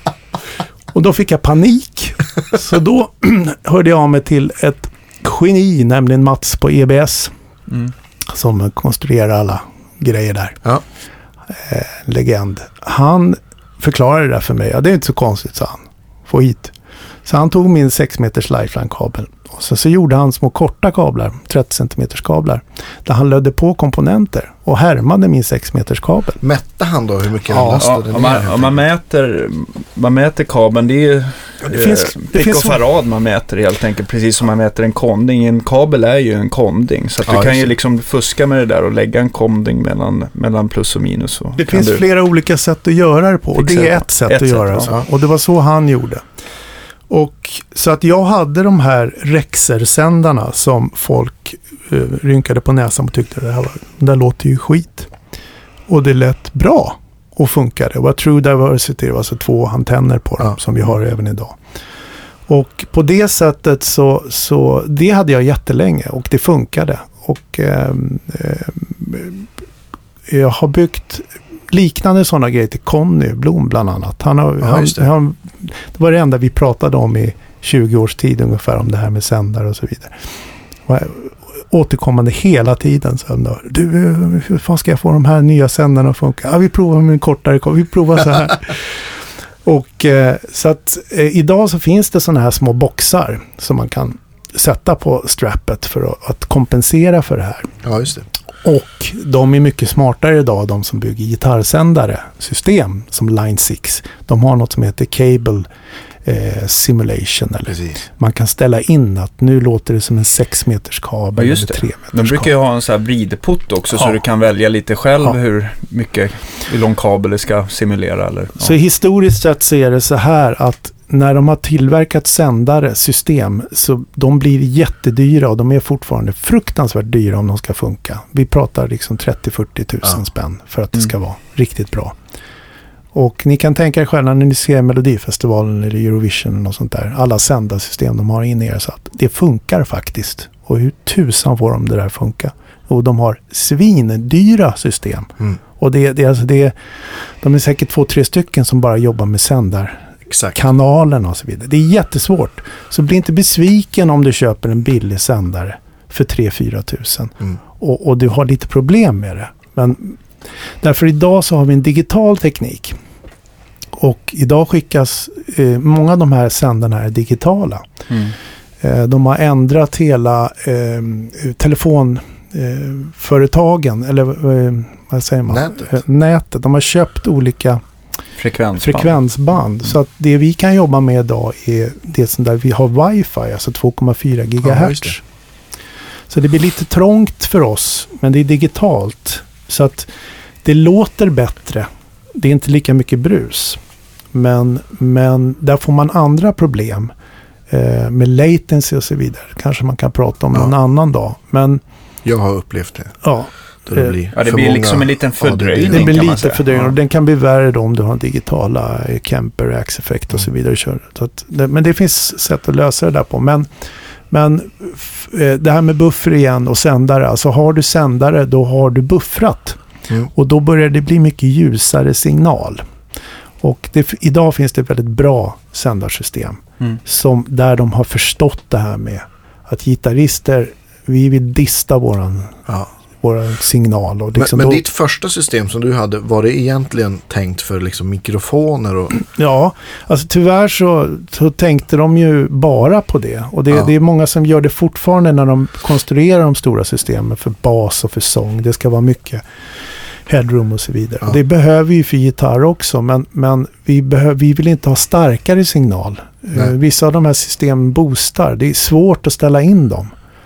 Så att eh, eh, där får jag testa och hjälpa dem eh, som, eh, som har lite mer komplicerade riggar. Att vi, vi, vi tittar att det är Unity Gain, att det är lika starkt in som ut. Så Ja. att när de kopplar in sändaren så blir det plötsligt inte en, en boost av gitarrsignal. Eh, Mm. Även om det kan vara häftigt och ball så vidare. Det är inte meningen. För att när sändaren lägger ner så måste de kunna byta till en, till en kabel. ja, och då ska det vara en buffer. Och då måste man lösa det på något sätt. Så, eh, men igen, köp en bra sändare och så kör alltid på den. Då har du ditt sound. Mm. Och eh, Så jobbar man utifrån det. ja, Mm. och man står oftast inte så långt ifrån mottagaren. Som de, Nu finns det ju bra till exempel Line 6 som har det ser ut som en pedal med, som är mottagaren som man sätter på pedalbordet liksom. Precis. Vad det nu heter, deras. Ja. G50 och G55 är väl de lite dyrare där i alla fall. Ja, så just- finns det någon li lillebror också. Shure gör väl också en som är Shure är omtyckt. väldigt bra system. Visst det. Så att eh, Den har väl inbyggd tuner också om folk tycker att det kan vara skönt med lite så här två i ett. Ja, just det. De företagen börjar ju oftast med sina stora flaggsystem för som de vill ha med på de här stora Ja. Tv-sändningarna och teatrarna och så. Sen så gör de oftast ett gitarrinstrumentsystem då. Mm. Där de bantar ner allting lite. Men, eh, Line 6 var de första som faktiskt tog gitarristerna på allvar där. Ja, med Jag den här han- switchen ja, för kabel. Och de har haft Mm. så otroligt bra folk som har jobbat där. Det är väldigt många legender som har gått igenom Ja. Line 6-företaget och, och byggt massa häftiga saker där. Ja. Så det är inte så konstigt men, men eh, det, de, drog, de startade den förståelsen för Ja. just gitarrsändare. Just rolig sån gitarrsändare-anekdot var ju Angus Young hade ju en sån här, vad heter de, Schaefer Mm. sändare som färgar ljudet väldigt mycket och det blev ju, det blev ju en del av hans sound. Den boostade nästan Exakt. upp till 20 dB. Ja. Och det hade han i studion. Ja, vi har Back in Black, de fick liksom inte till hans solo, eller Han hans det in, sound. till och med innan det. Innan. Ja. Så eh, Schaefer eller Schaffer eller vad de Ja. kallar sig för. De, de gör ju sådana pedaler idag. Ja, just Det det. ligger en bakom det där Okej. någonstans. Den har vi provat. Jag är inte någon så här jättefan, men det är kanske i hans rigg så blir det Ja. magiskt. Men ja, Ja, I den Ja, stärkan. det Ja. är tyck och smak har jag också. Coolt, men jag känner ju att det här är ett ämne som vi får liksom eh, komma tillbaka till och sådär. Det finns ju Ja. hur mycket som helst att prata om som ni märker. Så att vi tackar Göran Elmqvist för idag och Ja. så välkommen tillbaka. Tackar, tackar. Så hörs vi nästa torsdag. det gör vi. Ja, Tack för Ha idag. det så bra. Då. Hej då.